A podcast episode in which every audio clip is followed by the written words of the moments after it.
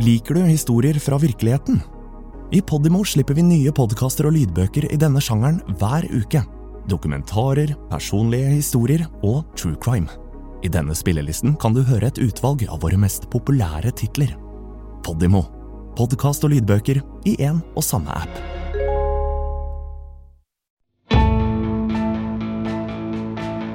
For krimjournalister over hele verden er det å rapportere om forferdelige hendelser en del av hverdagen. Og av og til er virkeligheten de skal rapportere om, så mørk at det kan føles som om vi har nådd et nytt nivå av menneskelig grusomhet. For første gang har et nettverk av 600 krimjournalister invitert oss inn i de mørkeste avkrokene i deres jobbverden. De har delt historier om noen av de mest urovekkende sakene noensinne. Dette er gjenfortellinger av disse historiene. Velkommen til Mørkets arkiv. Først en bemerkning til deg som hører på. Disse fortellingene handler om voldsomme hendelser, og i noen av episodene vil det være snakk om selvmord, seksuelle overgrep eller detaljerte beskrivelser av vold. Denne historien inneholder også fortellinger om seksuelt overgrep på mindreårige. Lytt med varsomhet. Sent en septembernatt i 1978 kjørte et par turister nær Del Puerto Canyon i California. I mørket må du være ekstra oppmerksom på den gule midtlinjen mens veien snører seg gjennom steinete åser og svingene kommer raskt mot deg. Plutselig treffer lyset fra frontlyktene noe som ligger midt i veien, noe i sølv, og turistene må bråbremse. Turistene trodde ikke sine egne øyne. De hadde ikke passert noen andre biler på lenge, men likevel, midt i veien, sto en jente helt alene. Hun var naken. Et blendende syn der hun sto i lyset fra frontlyktene. Synet var så sjokkerende for turistene at det tok et øyeblikk før de oppfattet redselen i øynene hennes, og forstå at de befant seg midt i en nødsituasjon. Jenta strakk armene opp, som om hun ville holde hendene over hodet. Men det var ingen hender der. Bare blodige stubber under albuen. Hun var lemlestet, men fremdeles i live. Mary Vincent var 15 år gammel da hun rømte fra Las Vegas. Moren hennes var en blackjack-dealer, og faren reparerte spilleautomater. Mary hadde ikke noe imot å ta i vei på motorveien mot California. Hun var en ballerina med et brennende ønske om å bli profesjonell danser. Og det ville aldri skje dersom hun ikke var villig til å ta noen sjanser. Selv neonlysene i Las Vegas kunne bli ensformige. Så hvorfor ikke stikke tommelen ut på siden av veien for å unnslippe denne tilværelsen? Motorveien var en krets av biler som kunne føre henne hvor som helst på kontinentet. En risiko, men også et hav av uendelige muligheter. Skoleåret hadde akkurat startet da Mary reiste, i september 1978. Hun ville besøke en slektning i Corona i California, ikke langt fra Los Angeles. Men hun var åpen for å ta noen omveier på reisen. Den 15 år gamle danseren, med sine mørke øyne, fyldige kinn og brede smil, pakket en bag og kjørte ut på motorveien alene. Innen den 29. september hadde hun kommet seg til Berkeley, i California. Det var morgen, tåken lå tett over San Francisco-bukten, og hun var klar til å dra til sitt endelige reisemål. Byen Corona var bare strake veien ned Interstate 5. Ikledd en hvit bluse gikk Mary langs siden av veien. Tommelen hennes stakk ut. Biler feide forbi i en virvel av eksos. Sjåførene holdt øynene på veien. Som om de gjorde en bevisst innsats for å ikke se henne gå der. Endelig stopper en blå varebil. Den svinger inn på veikanten og triller sakte fremover. Mary skynder seg mot bilen og hopper inn i passasjersetet. Sjåføren var en skallet, middelaldrende mann med et rynkete ansikt, bustete bryn og utstående ører, som håndtakene på en tekanne. Han heter Lawrence, men blir helst kalt Larry, og vil gjerne hjelpe den 15 år gamle haikeren. Han sa at han hadde en datter på omtrent hennes alder. De kjører av gårde sammen, mens sola varmer opp høstdagen som om det skulle vært midt på sommeren. Mary sank ned i setet og så verden strømme forbi. Ved føttene hennes lå en lang, spiss metallstang, en stokk som kunne slås ned i bakken for å ta målinger. Mary fisker ut en sigarett fra sekken og tenner den. Røyken fra det første trekket finner vei inn i neseborene hennes og får henne til å nyse. Larry spør om hun er syk, og før hun rekker å reagere, strekker han seg over setet og legger hånden på halsen hennes, som om han kjenner etter hovne lymfeknuter eller mandler. Mary trekker seg vekk fra hånden hans og ber ham om å ikke gjøre det igjen. Han ber om unnskyldning. Han mente ikke noe vondt med det.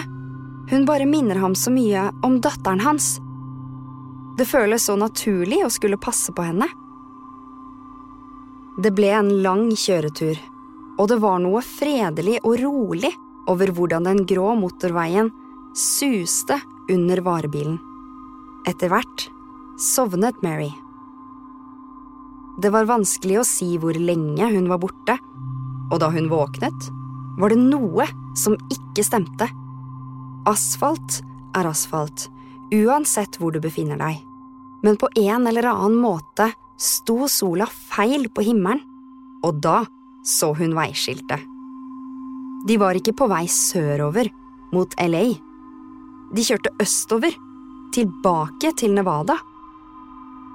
Mary var ung, men hun var også modig. Hun strakte seg ned og snappet målestangen og pekte den spisse enden mot sjåføren. Hun var klar til å stikke ham hvis han ikke snudde varebilen, og tok henne tilbake sørover med en eneste gang. Med blikket festet på den spisse enden av stangen ble Larry myk og unnskyldende. Han var bare en ærlig mann, sa han, som hadde gjort en ærlig feil. Han adlød jenta, gjorde en U-sving og satte kursen i motsatt retning. Mary skjønte at hun måtte ha sovet en stund, siden de hadde kjørt i feil retning i timevis. Nå begynte det å bli sent på dagen. Det gylne lyset lå lavere på himmelen, og skyggene ble større på de steinete åsene. For å komme raskere frem til det opprinnelige reisemålet hennes, tok de seg inn på en smal, krokete vei der ingen andre biler var å se. Varebilen måtte senke farten i svingene. Det var noe nesten hypnotisk med de vuggende bevegelsene forbi Del Puerto Canyon. De hadde kjørt på den svingete veien en god stund da Larry sa at han måtte tisse. De var midt i ingenmannsland nå, og hvem vet hvor langt det var til neste bensinstasjon? Den middelaldrende mannen med det rynkete ansiktet gikk ut av bilen og labbet av gårde for å lette på trykket. Og Mary benyttet anledningen til å strekke på bena. Det hadde vært en lang, varm og meningsløs dag, og hun kunne nesten ikke vente med å komme til korona. Med et gjesp la hun merke til at lissene på tennisskoen hennes hadde løsnet, og bøyde seg ned for å knyte dem. Og det var da det skjedde. Et rasende slag i bakhodet hennes. Mary rakk ikke å beskytte seg selv da slaget kom for andre gang og tredje gang. Som om han prøvde å presse henne dypere ned i bakken, var Larry over henne, og de steinharde nevene hans hamret mot henne. Hun var fortumlet, forvirret. Alt skjedde så fort, og før hun visste ordet av det, hadde han bundet henne med hendene bak ryggen hennes. Det hele utspilte seg i stillheten av åsene. Larry rev opp blusen hennes. Han forgriper seg på henne. Hans unnskyldende, farslige stemme ble forvandlet til en pervers knurring. Hvis hun ikke adlød ham, sa han, var hun død. Så dro han henne inn i lasterommet på varebilen, og døren smalt igjen. Han kjørte litt lenger langs kløften av canyonen. Så fant han et annet stille sted å parkere. Han klatret inn bak i bilen der Mary lå, redd og forvirret. Han løsnet hendene hennes og tok frem en plastkanne fylt med en slags væske. Da han skrudde av lokket, blandet luften i varebilen seg med en eim av alkohol. Han tvang henne til å drikke. Spriten gikk rett til hodet hennes, og tankene begynte å sveve. Larry binder henne opp igjen og forgriper seg på henne på nytt. Verden ble mørk i det illeluktende lasterommet. Mary forsvinner inn i bevisstløsheten, lammet av terroren og ødelagt av spriten. Larry trakk henne ut av varebilen og ba henne legge seg på siden av veien. De hadde stoppet ved et rekkverk med utsikt over canyonen. Nedenfor lå en betongkanal, og man kunne høre lyden av et vannløp. Naken og blødende i veikanten innså Mary at hennes eneste håp var å be om nåde. Hun tryglet Larry om å sette henne fri, men på en eller annen måte gjorde lyden av stemmen hennes Larry enda mer rasende. Du vil være fri, sa han. Jeg skal sette deg fri. Han gikk tilbake til varebilen og fisket rundt etter noe. Og da han kom ut igjen, så hun øksen i hånden hans. Mary vred seg, sparket og kjempet, men han var altfor sterk for henne. Larry holdt henne nede og løftet øksen, og med tre grusomme slag hugget han den venstre armen hennes av, rett under albuen. De avkuttede årene skjøt blod over sanden og skrikene hennes forsvant inn i tomrommet i canyonen. Og så, med bare to slag, hugget han av den høyre armen. Greit, sa han. Nå er du fri. Han løftet den nakne kroppen hennes mens blodet fremdeles sprutet fra stubbene, og kastet henne over rekkverket. Mary falt bevisstløs ned i vannløpet. I løpet av få minutter hadde varebilen kjørt videre, og Mary lå etterlatt for å dø. Hun kunne umulig overleve. For hvert sekund som gikk, mistet Mary store mengder blod. Snart ville lukten spre seg, og lokke nattens dyr i retning henne. Om morgenen ville hun bli revet i stykker av prærieulver før gribber forsynte seg av restene. Det eneste som ville ligge igjen, var beinrester fra den skamferte kroppen. Det ville vært enklere for jenta fra Las Vegas å bare gi opp. Lukke øynene og la mørket ta over. Men på en eller annen måte, da hun endelig våknet, naken og alene, klarte hun å grave frem de aller siste kreftene. Hun klarte å stå.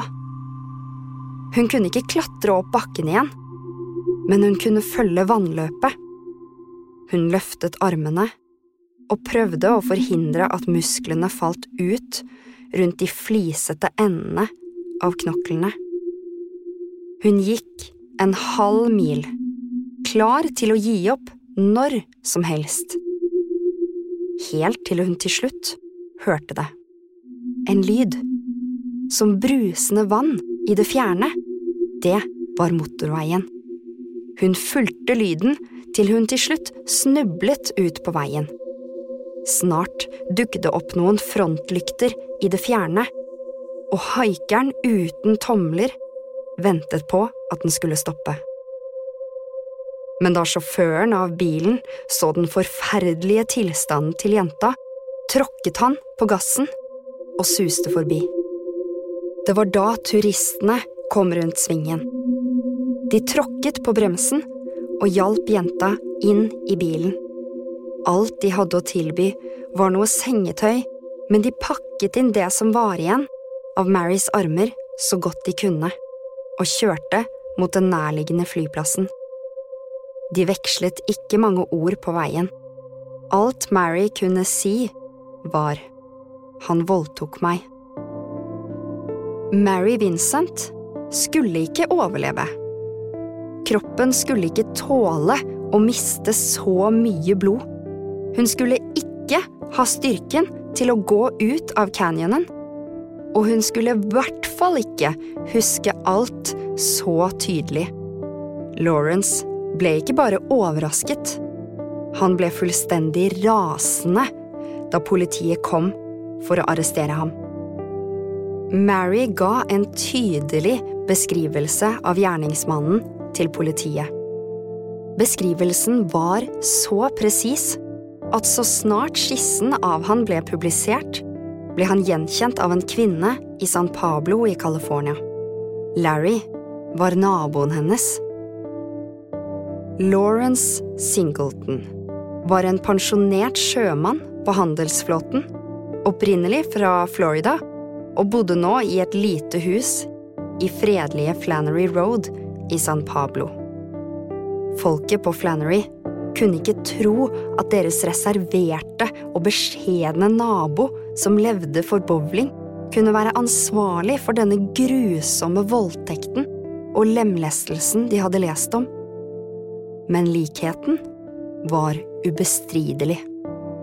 Ansiktet hans var allerede fanget og fordømt i kullstrekene fra politiskissen. Lawrence ble siktet for kidnapping drapsforsøk og voldtekt, og da det var tid for rettssaken hans, var påtalemyndighetens nøkkelvitne ingen ringere enn Mary Vincent. Månedene frem mot rettssaken hadde vært et helvete for 15-åringen. Det faktum at drømmene hennes om å bli danser ble knust, var nå det minste av hennes problemer. Hun hadde blitt utstyrt med armproteser, med kroker istedenfor hender, og måtte lære seg å gjøre alt på nytt. Hver natt våknet hun i full panikk av et mareritt hun ikke hadde forestilt seg, men et mareritt hun faktisk hadde opplevd. Vekten og varmen fra kroppen til mannen som holdt henne nede, øksen som suste gjennom luften, og boret seg inn i armene hennes. Men under rettssaken fant Mary tilbake til de samme overmenneskelige kreftene som hadde fått henne ut av canyonen. Hun sto ansikt til ansikt med mannen som hadde prøvd å drepe henne. Hun kalte ham ved hans navn. Hun utpekte han, så alle kunne se at han var gjerningsmannen. Hei! Har du lyst til å høre mer som denne podkasten, men helt reklamefritt? Da vil jeg anbefale deg å laste ned Podimo-appen for en gratis prøveperiode. Ikke bare finner du kvalitetspodkaster innen alle sjangere, men også flere av de mest populære lydbøkene. Alt sammen i Podimo-appen. Lawrence insisterte på at han var uskyldig. Jenta tok helt feil, sa han. Ja, Larry hadde voldtatt henne og hugget av henne armene. Men det var ikke ham. Det var en annen Larry. Ifølge ham hadde han plukket opp flere haikere den dagen, hvorav en av dem hadde samme navn som han. De hadde drukket sammen, hele gjengen, men rusen hadde blitt for mye for Lawrence, og han sovnet. Mens han var bevisstløs, hadde overgrepene mot Mary skjedd. Han syntes synd på henne, og mente at det var storsinnet av ham å i det hele tatt bry seg. Mary hadde truet han med falske anklager og sagt at hun kom til å ødelegge livet hans. I Laurens øyne var hun bare en billig hore. Hvis han var skyldig i noe, så var det i å ha et alkoholproblem. Og i å være så dumsnill at han plukket opp en gjeng med bråkmakere langs veien. Ingen trodde han. Og det hjalp ikke at han ikke viste noen tegn til anger. Men til tross for at han ble dømt på alle siktelser, ble ikke Lauren Singleton gitt en spesielt lang dom. Mange ble sjokkert over at han bare fikk drøye 14 år og kunne slippe fri tidligere med god oppførsel. Det var den strengeste straffen som var tillatt i henhold til California-loven. Men dommeren sa at hvis det var opp til ham, ville Lawrence aldri se dagens lys igjen. Etter at dommen var lest opp, førte vaktene ham av gårde, og de passerte Mary. Selv om armene og bena hans var i lenker, fant han fortsatt en måte å skremme jenta på. Han hvisket til henne, slik at bare hun kunne høre ham. Jeg skal gjøre meg ferdig med deg, om det så tar meg resten av livet. Han hadde bare vært der i et par dager da ordføreren kom på besøk. Pinole er en liten by i San Pablo Bay i California.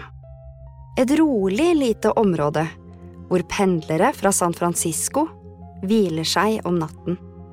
Men ingen sov godt da nyheten om at Lauren Singleton skulle bosette seg der, kom. Det var april 1987, åtte år etter at han ble dømt, og han var fri. Like etter klokken fem om morgenen, da morgengry bryter gjennom California-natten, hadde han gått ut av San Quentin-fengselet og begynt å lete etter et hjem. Men ryktet om løslatelsen hans var allerede spredt utover store områder. Folk startet underskriftskampanjer for å forsikre seg om at han ikke fikk bosette seg i visse deler av landet. I Contra Costa County, hvor Pinole ligger, signerte rundt 47 000 innbyggere et opprop mot å la Lawrence flytte dit. Bare to dager etter ankomsten hans sa ordføreren i Pinole til avisene at den tidligere straffedømte ville bli kastet ut av byen. Om det så innebar å kalle inn nasjonalgarden. Jeg vil ikke ha denne fyren i byen vår. Ikke engang i 30 sekunder, erklærte ordføreren. Uansett hvor Lawrence gikk, møtte samfunnet han med avsky, protester og organisert motstand. Det var så intenst at politiet ikke kunne garantere for sikkerheten hans lenger hvis han forsøkte å bosette seg et sted i California. Men han kunne ikke bo utenfor staten under prøveløslatelsen. Det eneste trygge stedet for ham var der han hadde bodd de siste åtte årene. San Quentin fengsel. Staten ga ham en trailer som ble plassert på eiendommen til fengselet. Og mannen som nettopp hadde sluppet ut av fangenskap, returnerte. Det neste året ble han i traileren. Han adlød portforbudet og levde under vaktens årvåkne blikk. Det var bedre enn fengsel. Men det var ikke egentlig frihet. Slik Lauren så det, hadde han fortjent sin frihet. Den opprinnelige straffen hadde vært på 14 år, men han hadde jobbet hardt for å forkorte den. Mens han satt i fengsel, ble han med i Anonyme alkoholikere og slutta å drikke. Og han hadde lagt ned utallige timer i jobben som lærerassistent. Med møysommelig innsats hadde han fjernet måned etter måned fra dommen og fortjent å slippe fri fra det helvete San Quentin var. Og nå sa de protesterende folkemengdene at det ikke var nok. Hva skjedde med en ny sjanse? Hva skjedde med tilgivelse? Innbyggernes respons var at de ikke kunne tilgi en mann for noe han nektet å innrømme at han hadde gjort. Gjennom de åtte årene bak murene hadde Lawrence fortsatt å påstå at han var uskyldig, og tviholdt på forestillingen om at han på en eller annen måte hadde blitt anklaget for forbrytelsen. Men nå snudde han. I stedet for å forsvare seg, ble han offensiv. Lawrence saksøkte offeret sitt, Mary Vincent, og hevdet at hun hadde tvunget ham til å kidnappe henne med hensikt om å rane ham. Rettssaken ble umiddelbart avvist. Men den illustrerte hvor langt Lawrence hadde sunket ned i eget selvbedrag. Ifølge distriktsadvokaten som hadde tiltalt ham, frikjente Lawrence seg selv i tankene hver dag mens han satt fengslet. Han trodde virkelig at han ikke hadde gjort noe galt. Da prøveløslatelsen hans var over, i 1988, og han kunne dra hvor han ville, forlot Lawrence traileren og dro så langt han kunne, til hjemstaten Florida. Det faktum at han streifet rundt i landet uten politiets tilsyn, holdt offeret hans, Mary Vincent, oppe om natten. Hun bodde i Pacific Northwest og hadde hatt det vanskelig de siste årene mens Lawrence var i fengsel. Hun hadde gått på en skole for funksjonshemmede, men slet med å passe inn. Og etter eksamen flyktet hun til Pacific Northwest, hvor hun i perioder levde på offentlig støtte. Mary fikk spiseforstyrrelser og likte ikke å forlate huset. Men selv om hun var mer eller mindre isolert, følte hun seg aldri trygg. Etter at Lawrence ble løslatt, begynte Mary å motta trakasserende telefonsamtaler. Og venner fortalte at de så noen som lignet på Lawrence i nabolaget hennes. Så gikk ting fra vondt til verre. I 1995 fikk Mary 15 000 dollar for å fortelle historien sin på TV. Og denne lønnsslippen betydde at hun ikke lenger hadde krav på offentlig støtte. Til slutt endte hun med å bo i en garasje uten oppvarming. Protesene hennes var ødelagte, men hun hadde ikke råd til å få fikset dem og hele tiden ble hun hjemsøkt av tanken på at angriperen hennes kunne komme tilbake. Da Mary fortalte om frykten sin til politiet, avviste de henne. Lawrence hadde blitt en gammel mann, sa de. Hans tid var forbi. La det være. Men hun kom aldri til å glemme de ordene han hadde sagt under rettssaken. Jeg skal gjøre meg ferdig med deg. Mary kan kanskje gjemme seg for ham for alltid. Men hva med andre? Hvem andre kan stikke ut tommelen og få den vennlige, fremmede mannen til å tilby dem en tur? Det var 1. februar i 1997, og en far og en sønn gikk hjem gjennom de stille gatene i Orient Park. Dette var en forstad øst for Tampa på vestkysten av Florida, med flate bungalower og frodige, grønne trær. Men det far og sønn så, knuste roen i deres tropiske nabolag. En gammel mann lå henslengt over rattet på varebilen sin, og det rant hvitt skum fra munnen hans. De løp for å hjelpe, og da de rev opp døren på varebilen, slo den gassfylte dampen dem i ansiktet. En ventilasjonsslange var festet til eksosrøret og ført inn i karosseriet til varebilen. Den gamle mannens pust var svak han var nesten død. Og nå kjente faren og sønnen ham igjen. Det var Lawrence Singleton. Han hadde prøvd å ta sitt eget liv med karbonmonoksid. De klarte å få ham til et sykehus, og heldigvis hadde de ikke vært for sent ute. Lawrence pustet snart normalt igjen. Naboene til Lawrence i Orient Park var rystet over nyheten om selvmordsforsøket. Siden Lawrence flyttet dit på slutten av 1980-tallet, hadde han tilsynelatende funnet seg til rette og blitt en del av lokalsamfunnet. Han tok godt vare på huset sitt.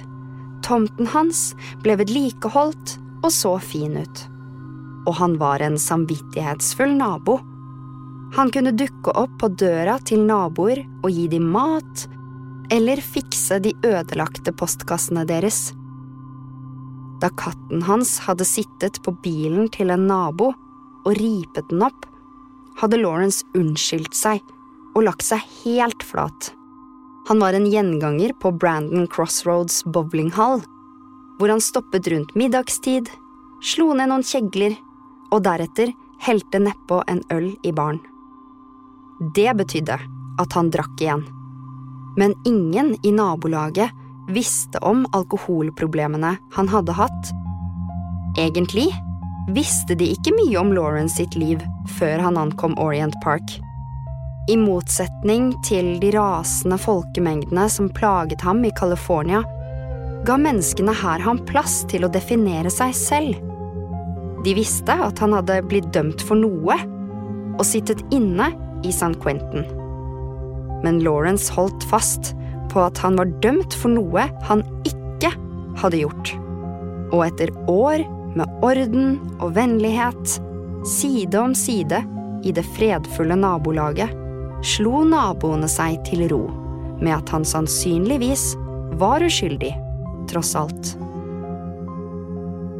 Etter selvmordsforsøket ble Lawrence innlagt på en psykiatrisk avdeling hvor legene fastslo at han var suicidal.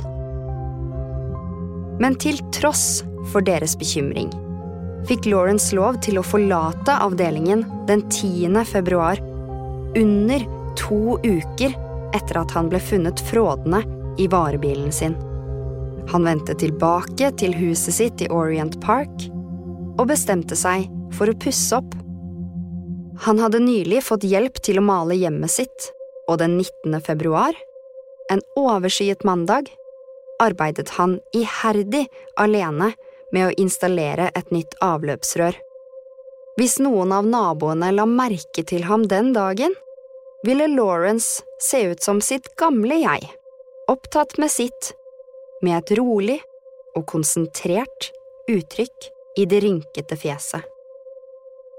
Og da arbeidet var gjort, drakk Lawrence noen drinker, satte seg i varebilen og dro på tur. Roxanne Hayes var på vei til matbutikken da hun bestemte seg for å se etter én siste kunde. Roxanne, en pen kvinne med mørke trekk, sa at hun solgte sex for to ting – bleier og husleie. I dag trengte hun dagligvarer for å lage middag til de tre barna sine. Og litt ekstra penger kunne hjelpe til med å få råd til et ekstra godt stykke kjøtt så hun gikk på gata en stund i håp om at en kar kunne komme forbi og putte noen dollar i lommen hennes. Ja da, det var hennes lykkedag. En gammel fyr i en varebil trillet opp ved siden av henne, og hun gikk inn. Han ville ikke gjøre det i bilen, heller ikke dra til et motell. I stedet ønsket han å ta henne med hjem til seg. Det var litt uvanlig, og vanligvis ville Roxanne ha sagt nei. Men han var bare en gammel mann, og hun hadde det travelt. Så la gå, tenkte hun. Kort tid etter kom maleren innom Lauren Singletons hjem. Det var han som hadde hjulpet Lawrence med å male huset tidligere. Maleren skulle bare sjekke hvordan det sto til med den gamle mannen. Han hadde hørt rykter om et sykehusopphold. Til og med at han hadde forsøkt å ta livet sitt. Men da han banket på døren, var det ingen som svarte. Varebilen sto parkert i oppkjørselen, så maleren kikket inn i vinduet. Det han så der, slo pusten ut av ham, som et kraftig slag rett i magen. Der inne, på stuegulvet, kunne han se at Lawrence var i ferd med å kvele en kvinne. Begge var nakne, og i øynene på den gamle mannen kunne han se en forferdelig stahet. Maleren løp etter telefonen og ringte nødetatene og sa at noe forferdelig var i ferd med å skje i Orient Park. En politipatrulje ble sendt til stedet, og da de svingte inn mot huset og banket på døren, kom Lawrence stabbende ut. Det luktet sprit av ham, og brystet hans var smurt inn i blod. Politifolkene spurte han hva som foregikk, og han sa at han hadde kuttet seg mens han skar opp grønnsaker. Plutselig ringte telefonen inne i huset, og den fulle, gamle mannen gikk for å svare. Og da han flyttet seg vekk fra døråpningen, kunne betjentene se rett inn i stua. En kvinne lå på gulvet. De stormet inn og fant Roxanne Hayes liggende i en pøl av svart blod. Trebarnsmoren hadde blitt knivstukket tolv ganger. Ett av stikkene hadde gått tvers gjennom hjertet. Hun var død. Mary Vincent, kvinnen som han hadde hugget armene av i veikanten, sluttet aldri å si at Lauren Singleton var livsfarlig. Til tross for årene i fengsel hadde han alltid sverget at han ville gjøre seg ferdig med henne. Mary hadde overlevd. Men det var aldri en del av Lawrence sin plan. Med Roxanne hadde han lykkes med å fullføre den grusomme handlingen. Da politiet førte ham inn i fengselet, skyndte journalister seg frem og ba ham om en kommentar. De fikk meg uskyldig dømt første gang, fortalte Lawrence dem. Men denne gangen var det meg. Trenger du noen å snakke med, kan du alltid kontakte Mental Helses hjelpetelefon på 116 123. Den er åpen hele døgnet, alle dager, året rundt.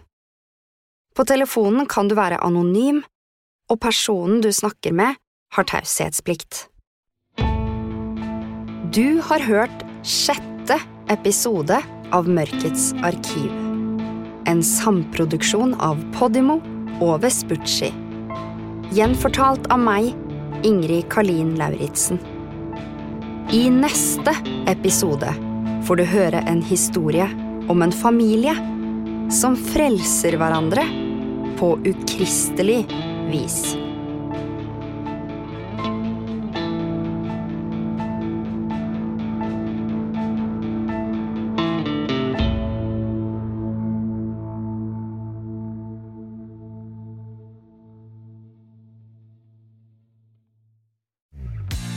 Likte du denne episoden? Så del den, da vel. Fortell en venn hva du hører på, og gi følelsen av god lytting i gave til noen du bryr deg om.